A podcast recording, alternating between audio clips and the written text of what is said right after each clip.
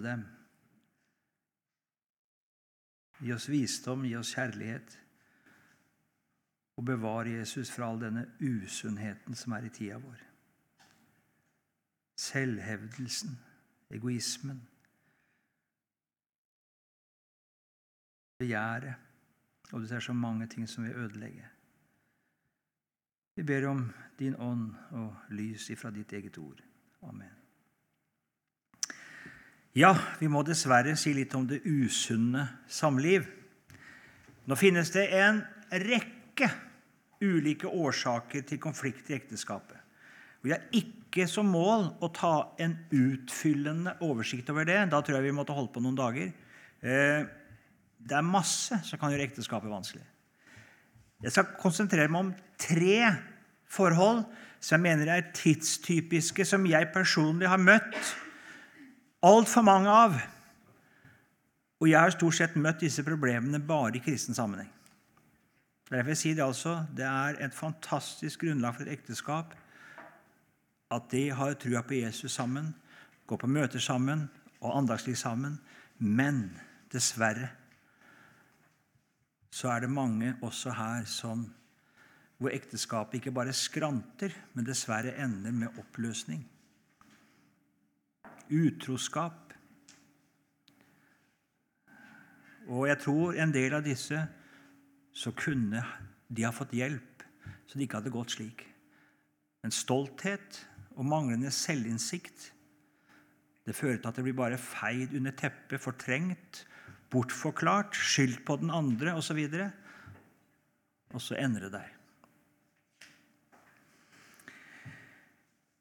Første tema enkelte går altfor tidlig inn i ekteskapet. Og Da skjønner vi det, at eh, det er litt seint å si det når man da er gift. Da får vi ta problemene der. Og Allikevel vil jeg ta det opp. For vi som har med ungdom å gjøre, vi må altså eh, råde mennesker på en slik måte at ikke de går inn i ekteskapet før tiden er der. Eh, nå sier apostelen det, at det er heller bedre å gifte seg enn å lide brynde. Det er det. Men da tror jeg vi har noen råd vi kan gi, slik at man ikke skal lide brynde også. Eh, så jeg kommer litt tilbake til det. Men hvorfor er dette viktig? Jo, jeg sa det til to stykker som var på kontoret mitt, unge og forelska. Og så sa jeg det at eh, sa det rett ut til dem dere er så umodne. Dere har ikke fått bånd under deres egne føtter. Og så skal dere bygge et hus sammen. Og selve grunnvollen under deres eget liv er ikke på plass. Og da mangler noe i grunnvollen for ekteskapet. Dere må sjøl begynne å vite hvem dere er, hvor dere står. Dere er for umodne. Kanskje om fem år så er dere ganske annerledes enn dere er nå. Det har skjedd en modning. Det er altfor tidlig å inngå et forhold. Det var ikke noe om å gifte seg da, men å inngå et forhold. Dere må, dere må få, en få en, en, en, egen basis før dere går der. Jeg har sagt det til altfor mange, kanskje, men eh, det sier jeg ofte til unge. Eh, altså Som sjelesørger må vi råde to som vil gifte seg, ofte til å bruke nok tid før de gifter seg å bo minst et år, bare ta det utenfor hjemmet. Ha tid til å ta, lære til å ta ansvar for egen økonomi, det daglige arbeid i et hjem. Ta selvstendig beslutning, ikke bare springe til mamma og pappa og spørre og kan du ta den telefonen for meg. For jeg, nei, ja, for sånn er en del ungdommer. 'Pappa, kan ikke du hjelpe meg med det?' Et eller annet, et eller annet man skulle hatt ordna, en bestille en time et eller annet Nei, det må du gjøre. Altså Det å på en måte ordne opp, ta ansvar for eget liv. Mange som har bodd hjemme, har aldri gjort det. Og det er helt ubehjelpelige til å kunne ta på en måte ansvar, og de trenger en selvstendiggjørelse her. Eh, og, og, på en måte bli voksne, ansvarlige mennesker som ikke er barn når de går inn i ekteskapet. Og Der hvor ikke en får gjennomleve en slik prosess før en gifter seg, så vil en gå inn i ekteskapet med masse manglende forutsetninger og ting som skulle vært avklart, ting som skulle vært på plass. Og Hvis det er to slike, da, Ja, Også hvis den ene har det på plass, så kan det bli veldig skjevt, usunt. Det som skjer da, det er opplevd og sett, tragedie. Noen vil ta med seg mor eller far, eller både mor og far, inn i ekteskapet. Vi leste her Hvorfor står det det? Derfor skal mannen forlate sin far og sin mor. Hvorfor står det ikke kvinnen? Hvorfor står det mannen? Jo, for i den kulturen Hvis vi leser om Abraham, så hentes Rebekka til Isak. Rebekka måtte langt vekk fra mor og far. Isak han flytter inn i Saras sitt telt. Vi av vi, Abraham. Han skal forlate far og mor. Han lever så tett på far og mor. Mannen gjør ofte det. Derfor skal mannen forlate. Ikke først og fremst bare den fysiske atskillelse, altså, men ikke minst den mentale, psykiske, den bindingen som barn til far og mor som er den tetteste. Nå skal den skjæres over, for nå er det et nytt forhold. Det er forhold til ektefellen. Nå skal hun være den du snakker med, rådfører deg med, den du tar beslutninger sammen med. Derfor skal mannen forlate far og mor. Og det er så uendelig viktig. Eh, da Marit og jeg skulle gifte oss, så var vi hos en eldre sogneprest i Sandefjord. Han var min svigerfar og svigermors beste venn. Forkynte der og gikk på bedehuset der. Og de var meget nære venner. Og så sier han til oss med stort alvor For vi skulle bo i annen etasje hos svigermor og svigerfar så tar han opp det. Og viktigheten av at nå skulle vi være en ny enhet. Og faren for å bo i samme hus, at relasjonen ble for tett. Viselig, veldig viselig og bibelsk. Det er ikke for ingenting at vi har svigermorhistorier. Det er en sannhet i dem. For det er ei som vil inn, og så vil hun hjelpe datter eller sønn, ikke sant? Og så Nei. Nå er det en ny enhet. Hvis de to nå spør om råd, ja, sammen. De må gjerne gjøre det. Men jeg skal ikke far og mor inn og være en kile. Og så tar jeg for meg dattera mi og så sier jeg, du, jeg syns dere skal Så holder jeg mannen. Nei, nei, nei. Det er mye uviselighet der. Også fra foreldregenerasjonen. Altså da den Eh, over disse som har giftet seg. Vi skal hjelpe disse to. Har de kommet for tidlig inn i ekteskapet? Hjelpe dem til å forlate far og mor og holde seg til sin ektefelle.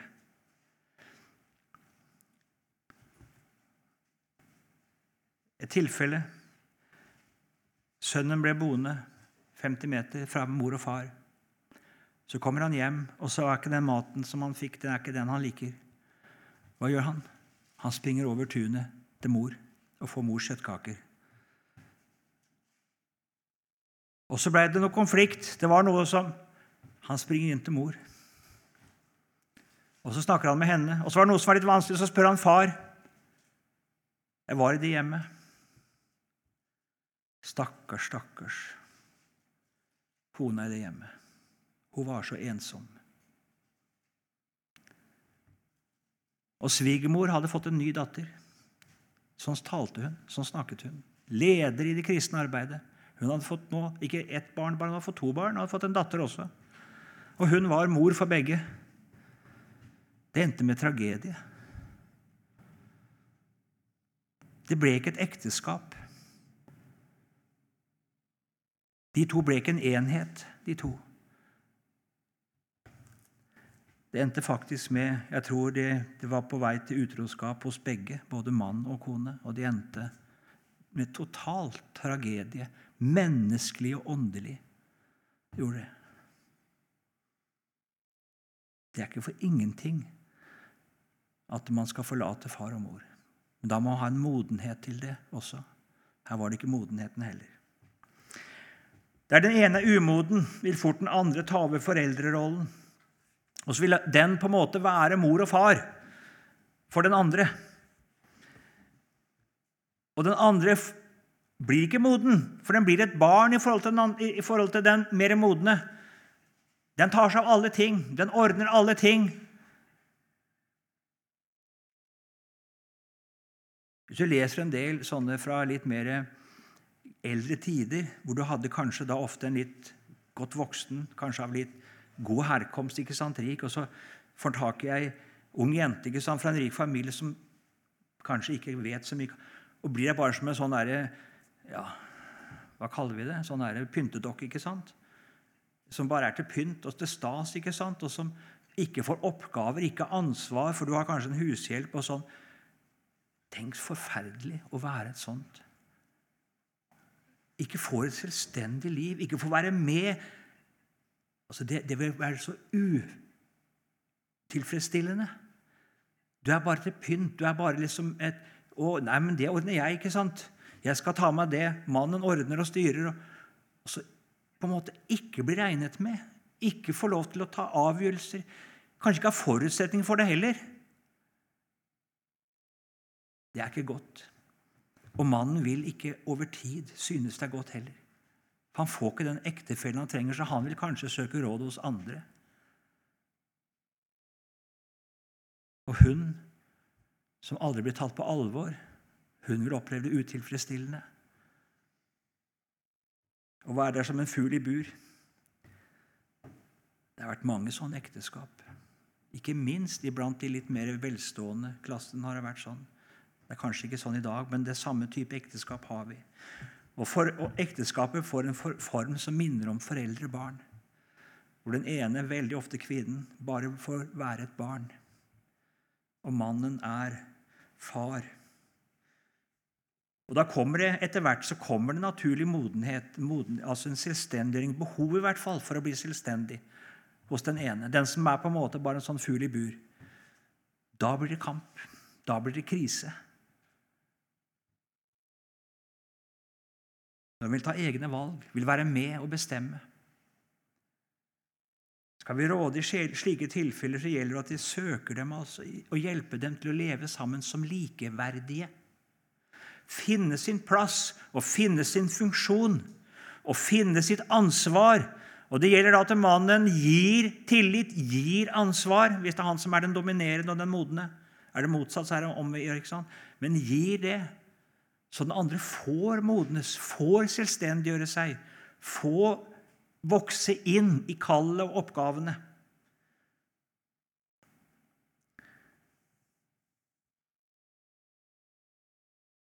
Ja Slik at de kan holde sammen, vokse, modnes og være ett i ekteskapet.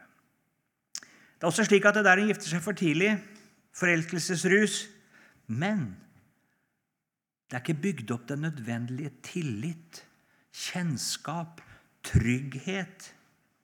Og det er mange. Og de er så begeistret. Og det er, men det har gått for fort. Og så Ja. Og du, Jeg har dessverre møtt Jesus som tenkte det. ja, De kjente ikke den andre så godt som de skulle, kanskje, men bare de ble gift, så skulle nok det ordne seg. De var jo så glad i hverandre. Og, og de uroen som er der, det, det, det, går nok bra. Bare vi blir gift, så går det bra. Men så er uroen Den er inn i ekteskapet. Og så blir det mistillit. Det kan være helt uskyldige ting. Kanskje er det sant at han ble litt lenger på jobb enn han skulle. Kanskje er det sant at når hun var borte og besøkte en venninne, så var hun hos den. Men er det sånn uro der? Er det det? Kjenner ikke, stoler ikke helt på. Er det utroskap? Er det, Åssen er det? Er han glad i meg? Er det For han har ikke fått den fundamentet. Og så blir det sånn at en, en søker på en måte, og leiter og vil ha bekreftelse. Og hele tida Og det kan bli så usunt. Det kan bli så usunt. Igjen så må vi råde til det. Å gi hverandre den tid som kan skape tillit. Er de gift? Ja, så er de gift. Så skal det være de to. Men da må de på en måte hjelpes til å kunne både skape den rette form Forstå meg rett når jeg snakker ordet selvstendighet. De to er ett. Og likevel en personlig på en måte Du må gi den andre tillit. Du må vise tillit. Skal du få tillit, og på en måte at det kan skapes, og at de kan være åpne, at de har, så trenger de kanskje hjelp her. Slik at den nødvendige tillit og trygghet kan skapes og få utfolde seg. Generelt kan vi si at det som ikke er gjort før en gifter seg, det må en da ta igjen innenfor ekteskapets ramme når en er gitt for tidlig. Det er utfordrende, det kan vi si. Det er ikke umulig, men det er utfordrende. Disse krisene tror jeg ikke er på en måte hvis man får hjelp, og hvis man får rette råd. Og det er kanskje ikke svigermor som skal være den som gjør det. Eh, hvis de skal søke råd, så bør det sammen, de to. Og vi som skal råde, bør råde begge, ikke bare den ene. Da er det fort at det blir skjevt. At vi er med og lager en slags partiskhet og en, kjører en kile inn istedenfor å hjelpe. Så Det er viktig her at en hjelper begge. Og, men jeg tror at her kan veldig mye ordnes. Og Jeg tror også det, som ble sagt her tidligere enn da, at en skal si det til de to som er gift. Ikke begynne å tenke sånn at uh, hvis dere hadde ventet, så er det ikke sikkert det hadde blitt dere to. Altså liksom sånn at det, det, Kanskje det var galt, dette her. Nei. Dere er gift. Dere skal leve sammen. Det er føyd sammen av Gud. Og nå skal det være dere to. Nå må vi hjelpe hverandre til å løse det som er, og bygge et godt ekteskap. Selv om det er begynt galt, så behøver det ikke å fortsette galt. Det, lyst å si. Det behøver det ikke. Det kan bli et godt ekteskap. Om det ble begynt på ganske sviktende grunnlag, så kan det det. Hvis det får den nødvendige hjelp. Så et problem som jeg tror er dessverre meget stort. Børre Knutsen han sa det. Han sa at det var en av de store, store sykdommer i vår tid. En av de store årsakene i verden til abortene, det var den far som var borte. Den manglende forpliktelse og ansvar fra far. Og så løser hun det med en pille. Men i kristne hjem så løser det ikke på den måten. Men problemet er enormt stort. Jeg kan begynne å telle de ekteskap som er gått over styr pga. en far som ikke er til stede og ikke tar ansvaret sitt som mann og far. Det er dessverre mange kristne, unge ekteskap som ikke blir lange. Og selv om de blir lange, så er skjevheten der. Og ødeleggelsen der for, for både kone og barn.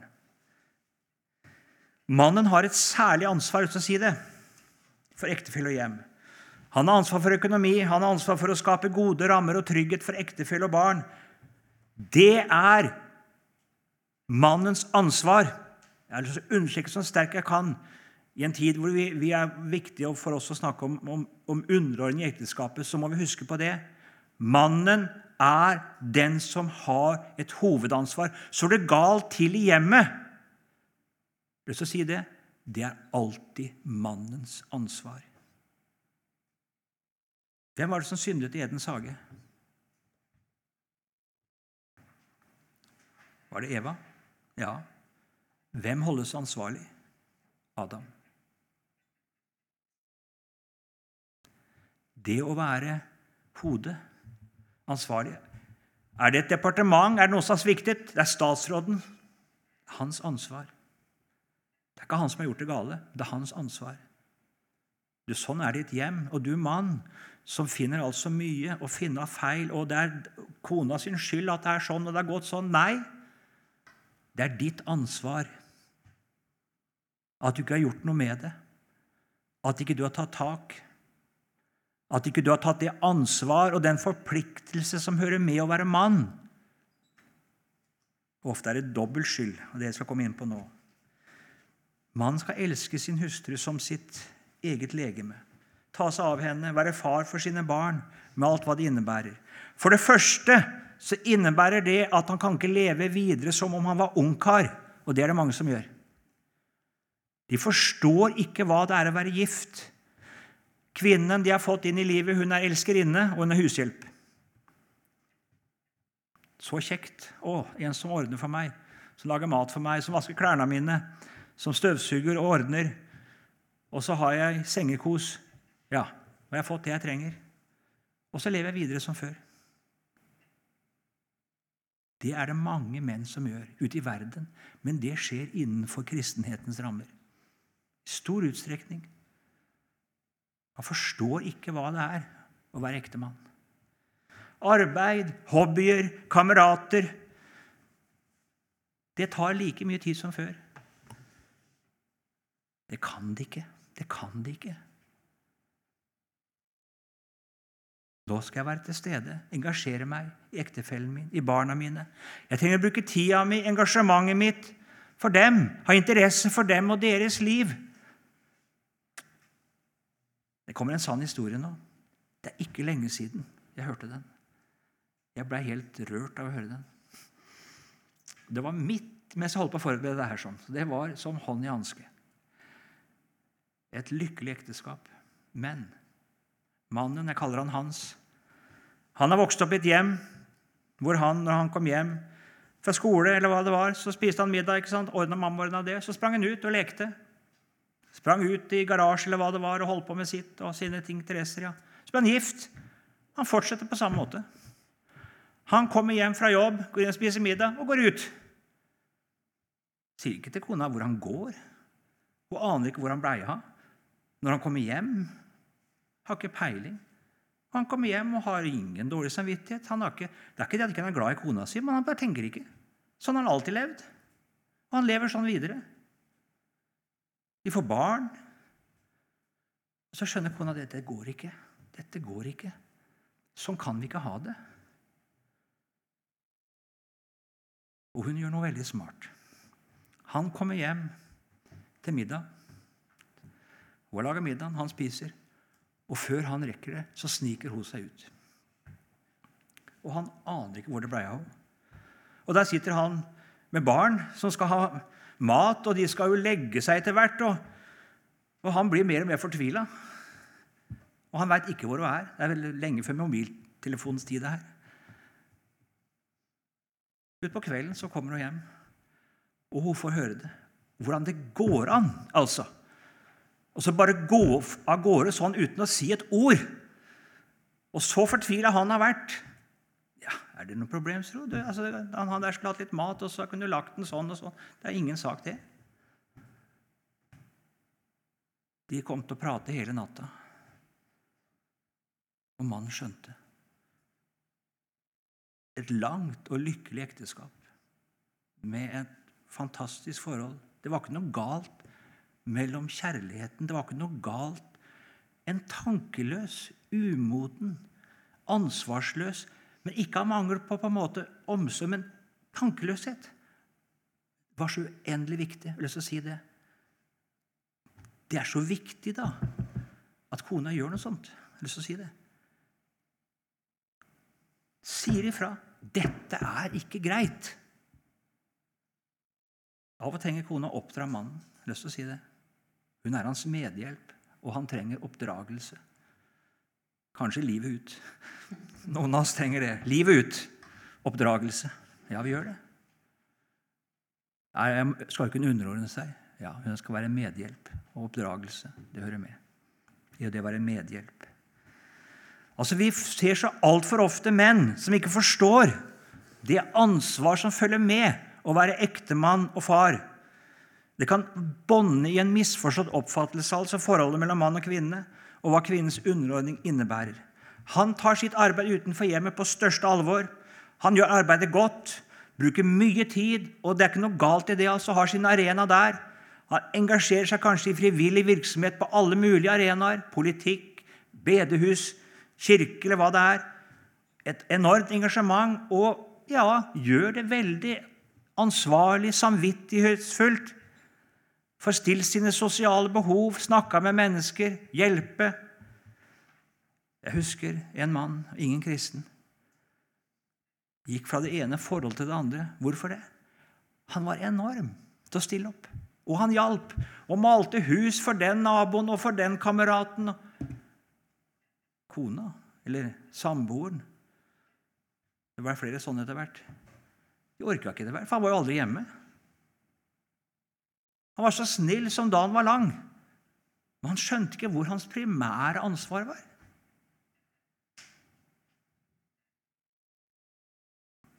Men han får jo masse positive tilbakemeldinger. Han blir så godt likt. Han er jo så snill.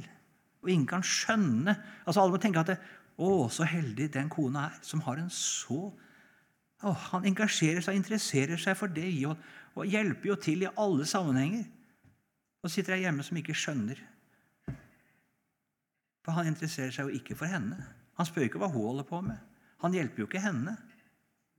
Han er bare alle andre steder, men ikke der. Det er mange slike menn. Jeg å si det. Også i kristen sammenheng. Når han kommer hjem, da venter han som har jobba så mye og har holdt på så mye og hatt så mye å gjøre, at kona stiller opp. Nå trenger han mat, nå trenger han omsorg, nå trenger han en øm og kjærlig hånd ikke sant? og gode ord. Og ekteskapelig omgang, ikke sant? Han som har hatt det så travelt og hatt så mye å gjøre. Det er klart hun må forstå det. Selvopptatt. Selvopptatt. Hun skal stå til tjeneste. Han råder helt og fullt over sin tid, men hun skal bruke sin tid på han. At hun trenger hvile. Det er en del menn som har fått høre det, som er litt mer modne enn det her. da. Dette er også sant. Er de på besøk da, hos mannens foreldre, og så står mannen opp om morgenen, tar ungene. Og så hører han du, og så sier kanskje ikke mor det til han, men sier det kanskje til kona. 'Du, vet du ikke at mannen din han har jo vært på jobb? Han trenger å hvile nå.' 'Så du må stå opp og ta barna. Det er jo din jobb.' Mange tenker sånn. Nei. Den som vet hva det medfører av nattevåk, av ansvar, vet kanskje at en mor har mer bruk for hvile enn mannen. Det var kanskje han som skulle stått opp på den lørdagsmorgenen og tatt barna ut, så mor kunne få sove litt ekstra og ta seg inn igjen etter et tungt svangerskap. Etter en, en, en kanskje både psykisk og fysisk. Noen menn ser det ikke. De ser det overhodet ikke. Engasjerer seg ikke i konas situasjon. Hun har jo bare hjemmet, altså, og det er hennes ansvar. Og, og ja, Kanskje han skjønner det. Jo, jeg skal være far, så, men jeg syns det er veldig interessant med sport. Jeg synes det er veldig interessant med jakt. Jeg tar med barna på det. Eller som Odeberg setter en krakk nå skal du lære hebraisk. Altså, Det må jo være topp, det viktigste. Så egentlig så lever man ut sine egne interesser. Det er den måten man engasjerer seg i barna. De skal være interessert i det jeg holder på med. Jeg, egentlig er jeg ikke interessert i barna mine men jeg er interessert i mitt. Og de skal jo være interessert i mitt. Og så lever man ut seg selv gjennom barna. Du ser det på fotballbanen. ikke sant? De er jo mer engasjert, og de skjeller ut dommere og alt som er. ikke sant? Og det er egentlig seg selv de lever ut gjennom sine barn. Egentlig ikke noen interesse for barna. Det er egoismen. Dytter dem fram Kanskje på arenaer de sjøl gjerne ville, men ikke fikk utfolde seg. Så skal barna realisere deres egen guttedrøm. Og det er mye av det. Kanskje deler han ikke heller av seg selv. Innlemmer ikke kona i sitt liv, det han holder på med. Han tar seg økonomi, han tar seg de store beslutningene alene. Det kona trenger, hun må kanskje be om å få det. Nå trenger jeg litt penger, for jeg, også må be om å få Penger til mat, til klær. Jeg har fått noen telefoner. Da jeg var feltprest, fikk jeg det. Stakkars, altså. Noen offisersfruer de ringte meg helt fortvilt. De ante ikke hva som økonomien var, men de hadde nesten ingenting å bruke. Men mannen han hadde kjøpt ny pistol, for det var hans hobby. Det var å drive med, med, med skyting, så han hadde kjøpt seg en pistol til 12 000. Det var i 88 eller 89. Det var mye penger. Hun visste ikke hvordan hun skulle få økonomien i huset til å gå rundt. Hun fikk bare litt Det skal ikke være sånn. Det skal ikke være sånn. Og Hvis man i tillegg da har en kontrollerende natur. Slik at når kona da på en måte Han engasjerer seg ikke i henne, så søker hun kontakt. Hun vil ha noen venninner. hun vil, Og da er det Det passer han på at det vil han, Da skal han være med, da skal han ha kontroll. Hun savner omsorg, hun savner nærhet, hun savner at han bryr seg. Det er ikke så rart at hun søker den nærheten et annet sted. Noen søker det hos barna. Det er ikke sunt. Noen søker det hos andre venninner. Noen søker det hos andre menn. Det de ikke de får. Han er opptatt av hva hun gjør for han. Han stiller gjerne krav, sier gjerne ifra om det ikke er ryddig, om maten ikke er klar. Særlig sår hvis hun ikke virkelig altså viser den ømhet og nærhet og kjærlighet som han ønsker i ektesenga. Han skjønner jo ikke det at han har drept det. Klager på henne. Sår. Vennlighet, takk og ros, omtanke og hjelp, det venter hun forgjeves på. Heller noen nedsettende ord. Klage. Anklager. Det er hennes skyld. Er det et eller annet med barna? Det er selvfølgelig hennes skyld. Det er jo hennes ansvar. Det er hun som tar seg av dem. Og barna tenker det. Mamma er dum. Det er hennes skyld at ikke det er noe koselig her hjemme. Det sies sånn, også i kristne hjem. Og barna tenker det, at mamma er dum. Det er hun som ikke skjønner noen ting. Det er hun, å, hvorfor, er hun ikke, hvorfor gir hun ikke pappa mer? Ja, hvorfor sier hun ikke mer til han? Hvorfor er hun ikke vennligere mot han? Hvorfor er hun så Ja, for det sier pappa, ikke sant? Han klager på det, for han sier det. Kona vil som sagt ja, og Enkelte, enkelte kvinner tror at det er sant, det mannen sier. De gjør det. De tenker det. Det er min feil. At mannen ikke bryr seg om meg. At de kan, det er jeg. Det er min skyld. Jeg skulle vært mer kjærlig. Jeg skulle ikke Jeg skulle gjort mer. Jeg skulle gitt han mer rom. Kanskje har de sagt lite grann. En liten noen ord har falt om at kunne du ikke være hjemme i kveld? Og så får hun Ja, nei, jeg skulle vært litt mer ettergivende. Jeg skulle vært litt mer imøtekommende. Så får jeg kanskje den kjærligheten. Hvis jeg strekker meg enda litt lenger Jeg skal jo underordne meg. Ja, så det vil jeg. Jeg skal ikke si et ord mer. Jeg skal tåle alt. Jeg skal bære alt. Jeg skal strekke meg enda et skritt lenger. Jeg skal utslette mine egne behov. Jeg skal leve for mann og barn. Det er mitt kall. Da vil han vel elske meg. Hun gjør bare alt enda verre. Hun gjør det. Husk den fortellingen jeg hadde i stad. Om hun som satte foten ned og sa at dette går ikke. Med alvor og ettertrykk Litt et annet eksempel. Hvordan det var, Om det var sånn her, det vet jeg ikke. Men mannen fikk brev i posten da advokat Kona hadde gått til advokat og orka ikke mer. Da får han et sjokk. Han skjønner jo ikke det engang. At ekteskapet det har havarert. Han skjønner det ikke. Han går til sin arbeidsgiver og forteller det her. Arbeidsgiveren er klok. Han spør Åssen er det? Snakker du med kona di? Prater dere noe sammen? Spør du åssen hun har det? og sånne ting? Ja, vi spiser jo mat sammen, og vi har jo ekteseng. Og, ja, Men snakker dere sammen? Nei. Du har vært gift i mange år. Gå hjem og snakk litt med kona di. Vi snakka sammen hele natta. Arbeidsgiveren fikk blomst til jul flere år som takk. Hun ble snart ufør, rullestolbruker, trengte sin mann. Altså Det var rett og slett bare det at eh, han hadde ikke sett henne. Altså, Man trenger å få foten ned og gå til advokat. Det, jeg tror man kanskje skal begynne et annet sted. Men jeg tror hun, dette var ikke et, dette var ikke et kristent ektepar. For henne så var ekteskapet over. Sånn tenkte hun.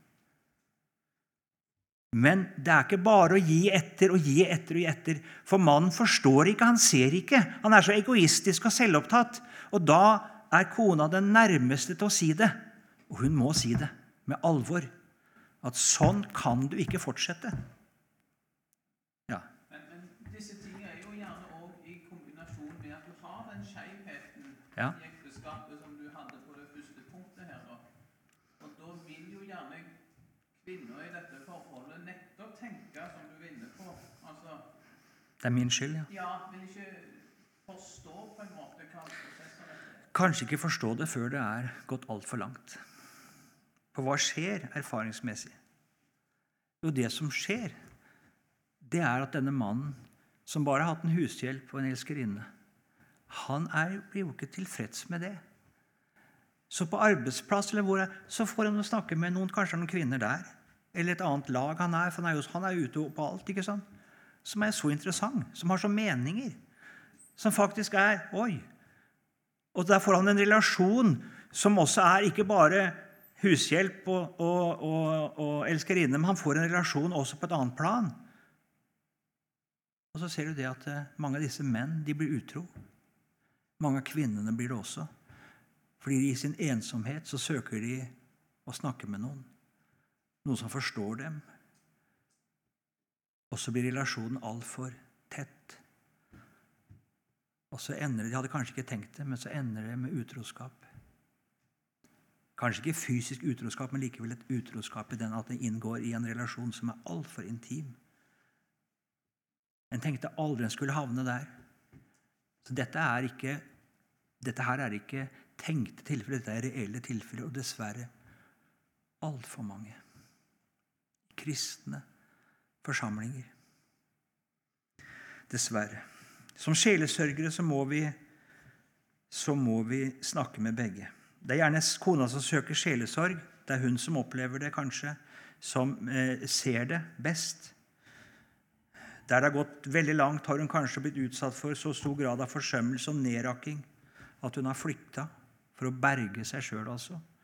Psykisk. Det kan bli vold, men det bør ikke være vold, men det kan være en nedrakking og en utskjelling. Og en, altså for, for kvinner kan bli syk av dette her. Rett og slett psykisk syk. Fullstendig ødelagt. Og, og, og, eh, og klarer ikke dette her sånn. Og da kommer kanskje anklagen. ikke sant? Altså, Mannen skjønner jo ingenting, så han bare skjeller henne ut. ikke sant? At hun er svikter, og hun gjør ikke det hun skal. og, og, og eh, Han er blind veldig ofte i disse tilfellene. Totalt blind for sin svikt, at han trenger hjelp. At det skurrer hjemme, det skjønner han. Men han skjønner ikke hva som er problemet. At det er han. Det er kona som er problemet. Det er hun som ikke gjør det hun skal. Det er hun som ikke klarer å holde dette i orden. Som ikke, ikke, ikke klarer å ta seg av barna. Som ikke, ikke holder orden på noen ting. At det er hans problem, det skjønner han ikke. Som sagt, sjelesørger det er gjerne kona som tar kontakt, men han må så fort som råd snakke med begge. Hvis ikke så er han ganske snart diskvalifisert til å snakke med mannen. For i det øyeblikket han snakker bare med kona, så vil mannen med en gang oppfatte at han er partisk. Det er så viktig der, så fort som råd, at man får snakka med begge to, slik at man kan oppleve å være en uhildet, en utenforstående. Og som kan snakke kanskje med de sammen, hvis det er mulig. Mannen må komme i tale, at han har sviktet som ektemann og far. At han er i ferd med å drepe alt som heter kjærlighet og hengivenhet hos ektefellen sin. Det eneste som kan berge et sånt ekteskap, det er at det settes ord på det som er galt. At synd og svikt blir bekjent åpent og ærlig. Altså der det ikke har gått så langt. Tenk det. Det er bare tankeløshet. Så skal bare bli oppmerksom på det være nok. Der det har gått lengre, så er det skjedd, det er blitt så mange sår. Det er falt en del ord. Det er ødelagt så mye at det trengs mer tid. Ja. Ja, men er også ofte typisk mann og typisk kvinne av natur som, som sier, at Ja. slett er uopplyst? Ja. Det handler om noe om opplysning også. Det gjør det. Så vi må snakke om dette til de unge menn som skal gifte seg i dag. Nødt til å snakke om det. De forstår ikke hva det er å være mann. Ja. Mannen må få øynene opp altså for at kjærlighet, ømhet og nærhet er noe langt mer enn samleie.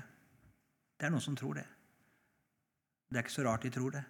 ut fra den seksualiserte tid vi lever i, så er kjærlighet det er seksualitet. Det Det er mye, mye, mye, mye, mye mer enn det.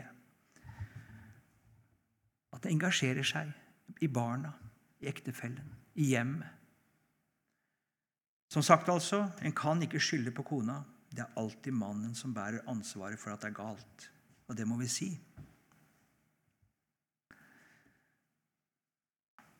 Som sagt, der det er bare tankeløshet og selvopptatthet, der er det stort håp om at en samtale med begge ektefellene kan, hvor skjevheten og svikten tas opp, er nok til at mannen får øynene opp. Men der det er gått for langt, og der blindheten er stor nok, og det er den dessverre altfor mye, der dessverre så er det altfor mange av disse ekteskapene som går i stykker for alltid. Er det tale om menn med narsissistiske trekk, så er det jo totalt nesten umulig å få dem til å innse. Eh, og det er nok en del menn som har det også i disse forholdene her. Så det gjør det jo ikke enklere.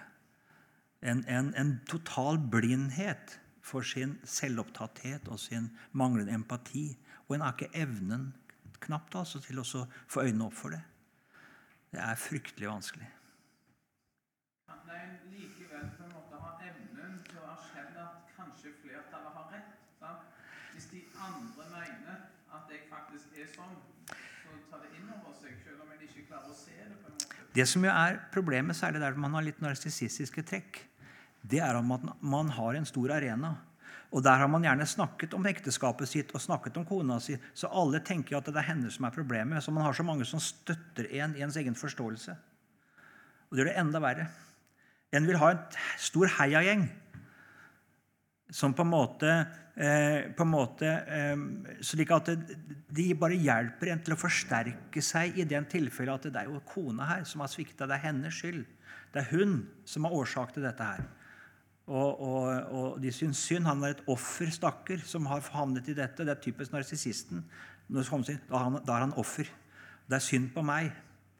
Snakker du med sånn, så er det det. 'Å, det er så synd på meg. Stakkars meg. Jeg har det så fryktelig nå.' Hva er det som er verst? Vet du hva som er verst ofte? Jeg har ikke noen å ligge med lenger. Det er selvopptattheten. Tenk, jeg skal leve nå og tanken kommer ganske fort kanskje, jeg må jo gifte meg igjen, for jeg kan ikke leve sånn. Dette sier jeg av erfaring, av samtaler. Det er, det er, så selvopptatt, og det er så blindt at det er helt forferdelig. Ja. Mot, ja. Eh, forstår jeg riktig, Per? Det er alltid mannen som bærer ansvaret for at det går galt. Ja, ja. Jeg sier ikke at det er mannen som er skyld i alt. Men jeg stopper opp litt, fordi jeg synes du nå gjør det så ensidig at nå blir det mannen som må bære ansvaret for ekteskap heretter. Ja. Mens tidsånden og det som har skjedd Jeg sitter og noterer 15, 15 mennesker som jeg har kjent. Lars Fredrik vet hvem, fordi både hans mor og min kone de har vært sammen i Misjonsforeningen i Kvinneforeningen i årevis. Og da og jeg har snakket mye om det. Hva kan det være, sier vi.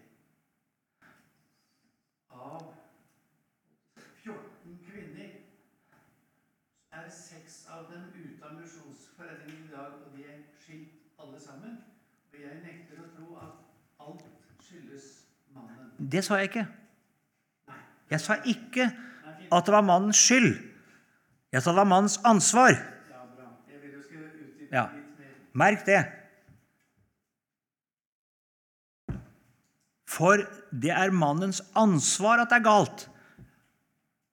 Og her er det slik altså at eh, han legger hele skylden og hele ansvaret Altså står det ikke godt til i hjemmet, hvem bærer ansvaret? Hvis det ikke står godt til på arbeidsplassen Ja, det er den arbeideren der. Ja, hvem sitt ansvar er det?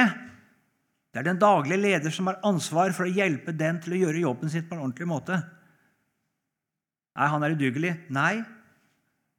Du får hjelpe han, lære han, veilede han. Men det er ditt ansvar som leder på arbeidsplassen. Det er departementsrådens ansvar at departementet gjør jobben sin. Ja, men det er noen udugelige der nede i det byråkratiet der. sånn. Ja, men det er ditt ansvar. Er du med? Det var ikke han som gjorde feil på den saken, men det var hans ansvar. Sånn er det hjemme òg. Det er mannens ansvar. Kan ikke løpe fra det. Enhver kristen mann har et særskilt ansvar for sitt eget hjem og ekteskap. Ja. Ja. Nå skal vi ha den motsatte siden. Vi må ta med den nå. Usunn selvrealisering. Nå går tida, men jeg skal prøve å bli ferdig litt raskt. Eh, jeg har brukt mest de på mannen, for det er et forkynnerseminar. Mest med menn her. Derfor har jeg gjort det med vilje. Men den moderne feminisme har gjort selvrealisering ikke for mannen, det, eh, men for kvinnen til en kampsak. Og Det finnes helt klart en sunn og god realisering av det den er skapt til og har fått evner og anlegg til. Den kan bruke det den har fått, slik at den er til glede og hjelp for andre. Men her er det snakk om en egosentrisk opptatthet av egen karriere, personlig lykke, en bevisst holdning. Jeg skal ikke sette mine egne behov til side for mann og barn. Dette er, sant? Dette er feminismens hovedtanke. Man har sagt, det er sagt fra Stortingets talerstol i Norge at så lenge kvinnen føder barn, så blir det ikke likestilling. Nei, for da må jo kvinnen ta ansvar for barn.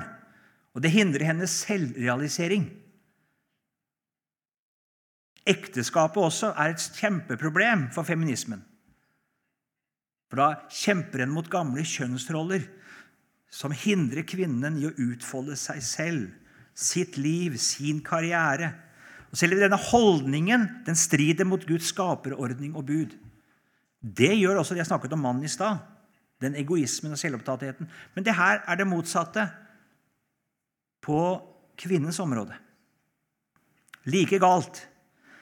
Erfaringen viser det, jeg har gjort undersøkelser på det, som viser det, at der hvor egne behov, karriere, interesser scorer høyest på det som er viktig i livet Gustav Mjåland skriver om det i sin bok 'Gjør hjemmene sterke'. Der det scorer høyt, der sliter man i ekteskapet.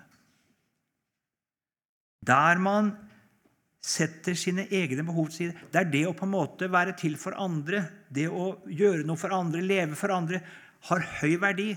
Da har man det godt i ekteskapet. Så det er helt ødeleggende for ekteskapet med selvrealisering.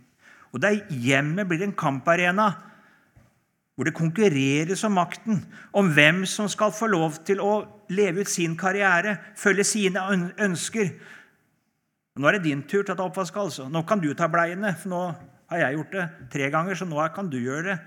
Så blir det bare klaging, ikke sant? For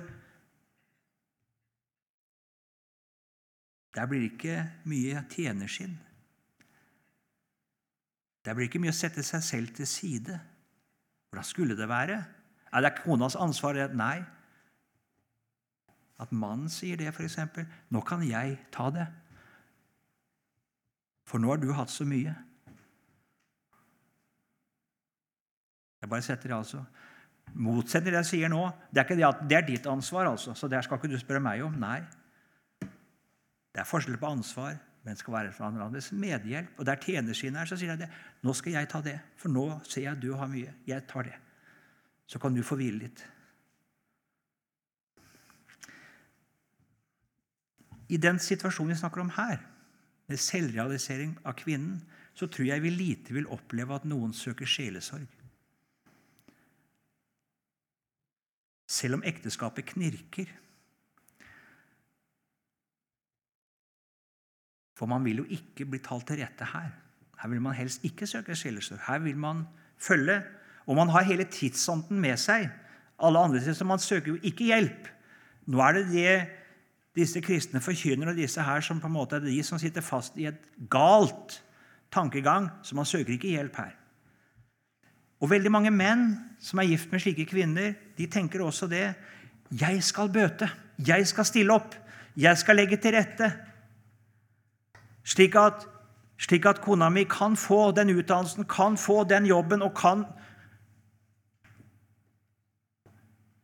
Og man stiller opp. Man går inn i morskallets oppgaver fullt og helt. Og man virkes jo som den Mest omsorgsfulle, snilleste mann som finnes, huslig. Selv om han sier at han ikke strekker til, selv om han sier at dette blir noe skjevt, så søker ikke han heller hjelp. Han tenker at dette må jeg bære. Mannen blir ikke mann, kona blir ikke kone. En prøver på en måte å være så like at ingen vet ikke hva man virker, hvilken identitet og hvilken rolle man har. Og det blir ikke godt. Det gjør ikke det. Enten ender ekteskapet i konflikt mellom to sterke personligheter, hvor begge vil realisere seg selv, eller mannen bøyer seg under kona for husfredens skyld, og så lar han henne kjøre sitt løp. Så lenge det ikke er barn i ekteskapet, så kan det gå ganske greit. Da kan begge ha sin karriere og leve sitt liv. Men når barna kommer, da blir det virkelig vanskelig. Og der mannen da søker å være kvinne. 'Jeg skal være hjemme. Jeg skal ta permisjon. Jeg skal stille opp. Jeg skal Så du kan.' Det blir ikke lykkelig. All erfaring viser at det blir ikke lykkelig i det ekteskapet. For ingen er der de er skapt til å være.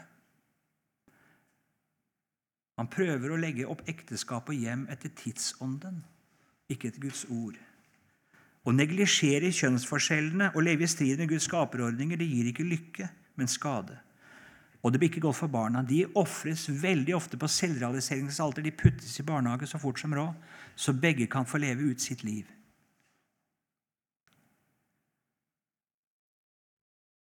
Det er vanskelig å gripe inn, selv om en ser dette her. Og det er store skjevheter, for her er det mennesker som ikke spør om hjelp. Du kan se det. Men det er fryktelig vanskelig å gripe ubedt inn. Men jeg tror jo òg at mange kvinner som på en måte lever i dette, òg lever i det av at det er det som er samfunnets forventning. Sånn at det, på en måte, det er ikke nødvendigvis det at de absolutt vil selvrealisere seg, men, men det er dette samfunnet forventer. Og Ja. så slites de ut i dette her. Mm. Og så rekker til på alle arenaer. ja, det stemmer det. Mange går inn i det rett og slett. De føler et press. Eh, og Det kan være venninner, det kan være andre, det kan være samfunnet, det kan være hele som at det, eh, Og så klarer man ikke å stå imot det trykket og ta det valget. At jeg vil ikke sant, sette mitt kall foran. En, eh, en har ikke, og Jeg tror det, det er kristensammenhenger òg hvor det er sett på som ja, Du vil bli sett rart på. Er du bare hjemme, du? Ikke sant? Hva, hva, hva jobber du med? I selskap, ikke sant? Så liksom alle de andre de har den og den og den, og jeg Så føler man på det. Et voldsomt press. Det er helt riktig. Det er sånn. Det er, det er riktig, det.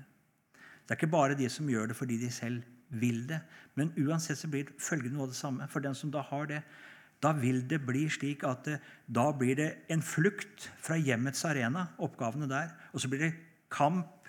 Og, og da blir det en kamp. Hvem skal gjøre dette? Få dette, få det til å gå i hop? Tidsklemma har vi alle hørt om. ikke sant? Hvordan skal vi, ja, Nå er det din tur, ikke sant? og nå har jeg hatt så mye. nå må, ja, Og så blir det et blir krig der det skulle være hjelp, medhjelp. Der det skulle være en havn. Så går du på en mine, altså for å bruke krigsspråk. Ja. Det står i Skriften om at de eldre skal tale med de yngre kvinner. Om å være huslige, om å elske sine menn. Ehm, mange av disse kvinnene hvis ville gjøre det, da tror jeg ville tale for døve ører i en del sammenhenger. Men det er et råd. Her tror jeg kvinner med erfaring, med et sunt syn, kan hjelpe andre kvinner. Det skal være et seminar her nå i februar om dette. Jeg tror det er helt riktig. Helt riktig. Hvor man altså kan snakke om dette. eh, Hvor man kan, man eh, kan eh, ta dette opp og gi en frimodighet på Skriftens grunn til å være kvinne. Det er ingenting som har tråkka så mye på deg som morskallet, og det å være kvinne. Kvinne er ikke noe før hun er som en mann. Det ser man ikke at det er faktisk nedverdigende av det å være kvinne. Hun må være som en mann, med en karriere, med, en, med lønn, for å kunne være noe. Det er ikke sånn. Den som styrer vuggen, styrer landet, sa man før. Man hadde et annet syn på det. Man så storheten i det. Det veldige kallet der, ansvaret der, oppgaven der. Å ta seg hus og hjem, som er samfunnets grunncelle. Ethvert godt samfunn. Ja, Der skal vi gi oss. Da er det litt over tid.